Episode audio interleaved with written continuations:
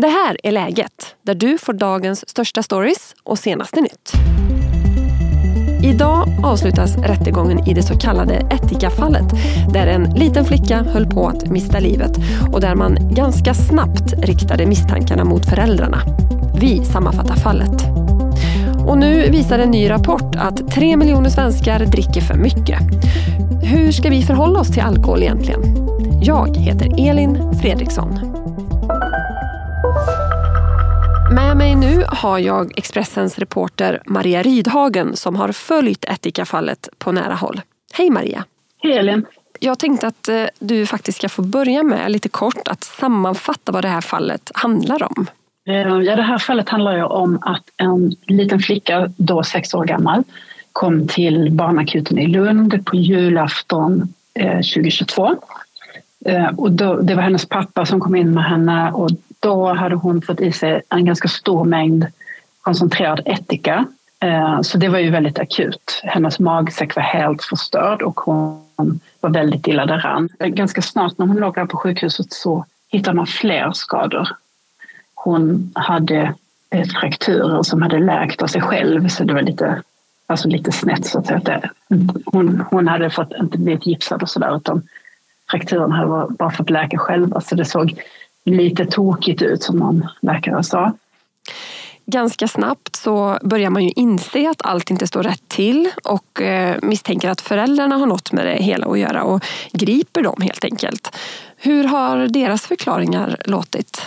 Ja, det var ju så att de greps typ två dagar efter, som, efter att flickan hade kommit till sjukhuset men sen så släpptes de faktiskt vid den första häktningsförhandlingen och var på fri fot i nästan en hel månad innan de greps igen och häktades. Och eh, det berodde på att det inte fanns tillräckligt mycket bevis helt enkelt i början så att tingsrätten tyckte inte att man kunde häkta dem.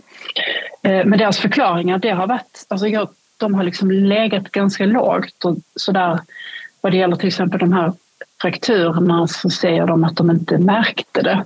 Eh, och vad det gäller etikan så säger de att hon själv drack den och att de inte förstod vad som hade hänt förrän hon kom och väckte dem på natten och gnydde och hade ont i magen.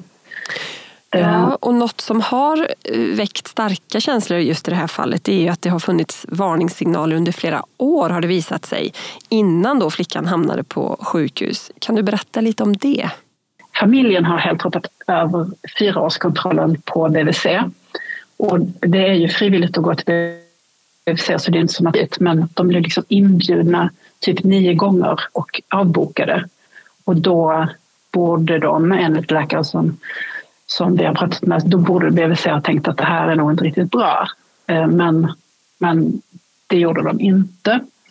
Eh, och eh, även skolan kan man undra hur, hur det kan vara möjligt i Sverige att ett barn kommer till skolan fyra gånger på en hel termin utan att det händer så mycket mer än att så här, rektor kallar föräldrarna till samtal som de uteblir från och sådär. Så att det är helt sant som du säger att det har funnits varningssignaler och de har inte riktigt alls mm. tagits på allvar. Vilka vittnesmål har varit viktigast i det här fallet skulle du säga? Ett vittnesmål som var helt eh, avgörande var när eh, typ två veckor efter att den här flickan kom in till akuten så var det en eh, kvinna som hette Nina som eh, hon, hon var också vittne i i rättegången och jag har pratat med henne så jag får se hennes namn. Hon fick, här, hon fick flera uppgifter om familjen redan då på det här tidiga stadiet när polisen inte visste så mycket. Så att hon ringde då socialen som tipsade polisen om att det fanns ett tidigare hus där familjen hade bott och att det skulle finnas bevis där också. Så det, det var avgörande och satte liksom utredarna på ett helt nytt spår där man kunde förstå vad som hade hänt innan själva Etika-incidenten.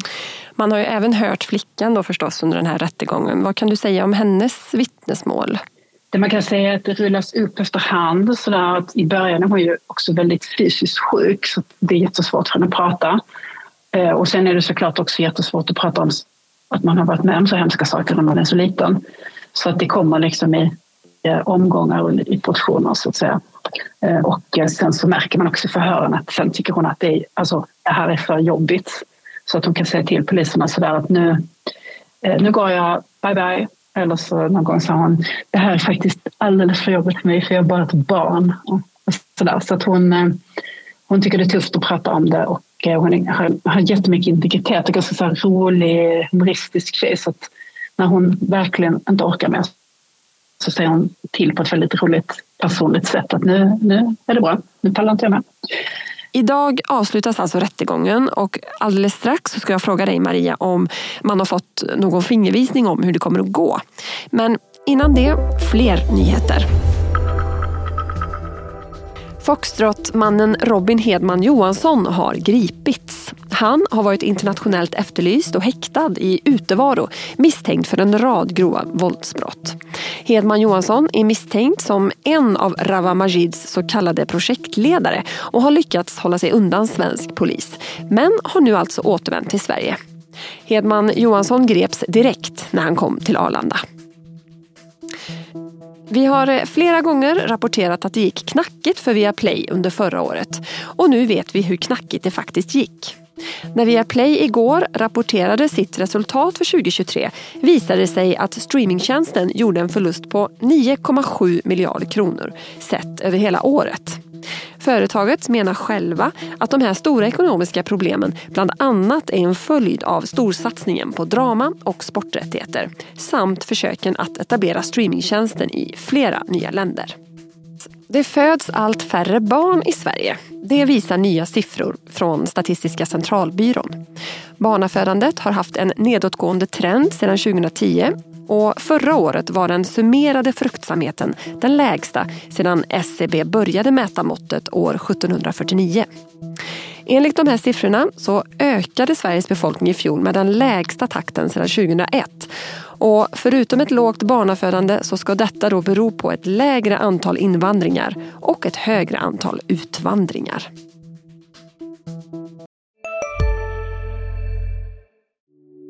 Hej, Ulf Kristersson här. På många sätt är det en mörk tid vi lever i. Men nu tar vi ett stort steg för att göra Sverige till en tryggare och säkrare plats. Sverige är nu medlem i Nato. En för alla, alla för en. Välkommen till Maccafé på utvalda McDonalds restauranger med Baristakaffe till rimligt pris. Vad sägs om en latte eller cappuccino för bara 35 kronor? Alltid gjorda av våra utbildade baristor.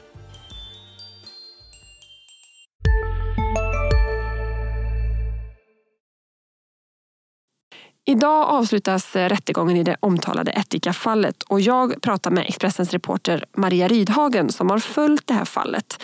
Maria, det kommer ju ingen dom idag men har man redan nu fått någon känsla för hur det kommer att gå? Ja, men det har man ju för att eh, eh, när eh, förhandlingarna var klara så ibland så släpper ju eh, tingsrätten de misstänkta för att man redan då vet att, att eh, eller vet eller tror att de inte kommer att bli dömda. Men så var det inte i det här fallet. Utan domaren bestämde att de här eh, två personerna ska sitta kvar i häktet och i sitt beslut om alltihopa så skrev domaren eh, Linda Palmenäs heter hon, så skrev hon att det här här har presenterats övertygande bevisning i flera av, av de misstänkta brotten. Så, att, så det pekar ju på att de kommer att fällas för i alla fall några av brotten. Eh, och sen så när det gäller barnen så att de är omhändertagna, för alla barnen, både den här flickan och hennes syskon är omhändertagna just nu. Eh, och det är ju en LVU-process, alltså lagen om vård av unga, så att den ja, den sköter socialtjänsten så att om de plötsligt skulle släppas, vilket jag inte tror, men om det skulle hända så kan ju fortfarande socialtjänsten gå in enligt eh, då LVU och ta hand om barnen. Så det är liksom en separat process. Det är ju ett väldigt gripande fall, speciellt eftersom det handlar om barn som har farit illa. Eh, vad har berört dig mest? De, alltså den hemskaste dagen i att sitta där i rättssalen, det var när det var slutplädering. För att de andra dagarna så var det kanske en dag så var det en läkare och en dag var det en lärare. Eller så där. Men sista dagen så var det liksom så radade åklagaren upp sak efter sak efter sak och, och det, har, det är så mycket som har hänt i det här fallet. Och liksom, när man fick under en hel förmiddag höra alla de här fruktansvärda detaljerna så var det, det var faktiskt jättejobbigt. Och då, jag menar såklart alltså det går inte att jämföra med hur det är för flickan som var med om det men det var faktiskt, alltså det var, man var helt utmattad efter att ha hört det. Eh, och sen så tycker jag också det är väldigt gripande att jag, som jag tror då, så när den lilla flickan, tjejen, hon har en sån väldig livskraft på något sätt. Så det, det, är verkligen mitt intryck att hon, att hon har ganska bra, att hon liksom tar för sig av livet och nu när hon fått en andra chans och dra vuxna omkring sig, att hon verkligen liksom tar för sig av det. Så det är väldigt också fint att se och väldigt gripande faktiskt. Tack Maria Rydhagen för att du var med i läget. Tack så jättemycket. Strax ska vi prata om att svenskar dricker för mycket alkohol. Men först, fler nyheter. Sundsvalls sjukhus söker nu en bajsdonator. Detta för att kunna bota patienter med en allvarlig tarmsjukdom. Men det finns vissa krav om man vill bidra med sin avföring. Man ska vara frisk, medicinfri och kunna bajsa på beställning. Det säger överläkaren Björn Didriks till P4 Västernorrland. Enligt honom så är transplantation av friska goda tarmbakterier ibland det enda sättet att bota patienter med en besvärlig och farlig tarminfektion. Så därför är det viktigt nu att man lyckas hitta en donator. Hej, Synoptik här. Hos oss får du hjälp med att ta hand om din ögonhälsa. Med vår synundersökning kan vi upptäcka både synförändringar och tecken på vanliga ögonsjukdomar. Boka tid på synoptik.se.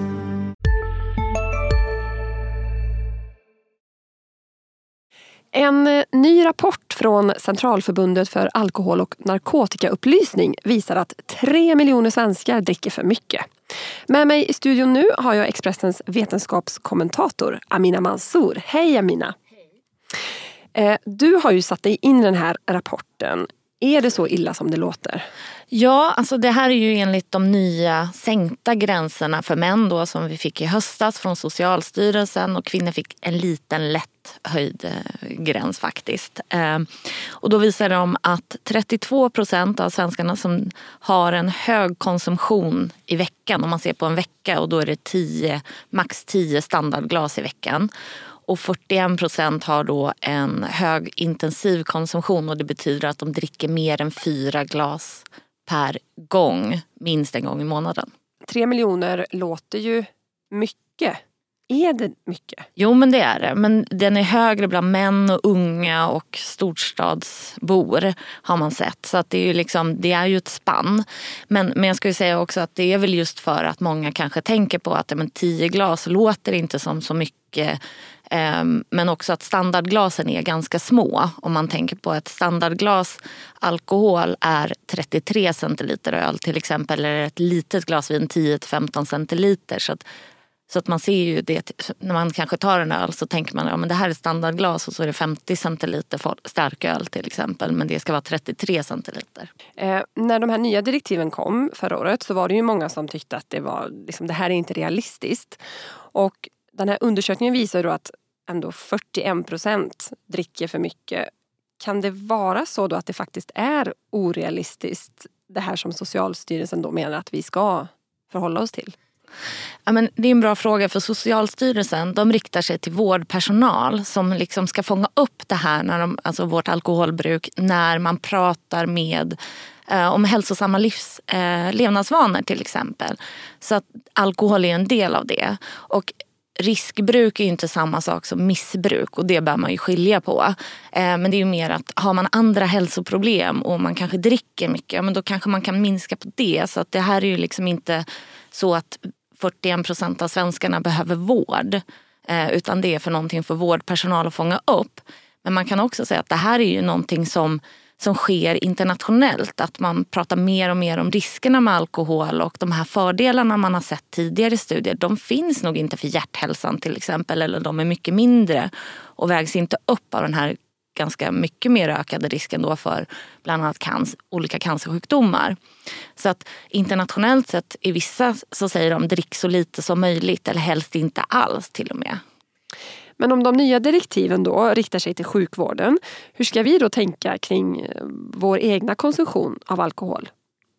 Jag tycker att man kan reflektera över sitt alkoholbruk och eh, fundera på men är det här en del i ett ohälsosamt, eh, har jag ohälsosamma levnadsvanor?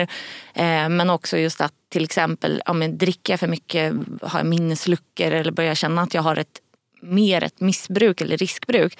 Men man kan ju fundera på dricker jag oftare än vad jag borde eller ska jag ta varannan vatten eller, tredje, eller två tredjedelar vatten? Eller finns det någon alkoholfri version som funkar lika bra? Sådär? Att man liksom, jag tror att de, de här siffrorna gör att man kan reflektera över sitt bruk av alkohol. Men jag tror att vi behöver också komma ifrån att det är hälsosamt att dricka alkohol. Det är väl det som också man kan tänka att sen dricker ju folk eh, alkohol för att det är gott och kul och det, vi har ju liksom det som en kultur. Och det är samma sak som att vi, vi, vi äter ju inte helt enligt kostråden heller.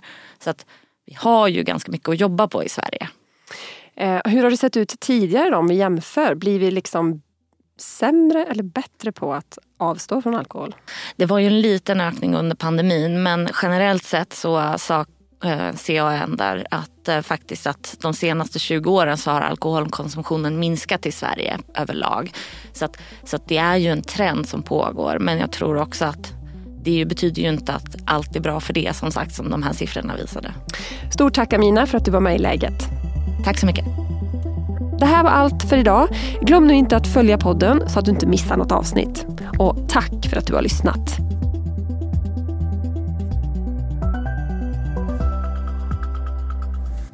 Du har lyssnat på en podd från Expressen. Ansvarig utgivare är Karin Olsson.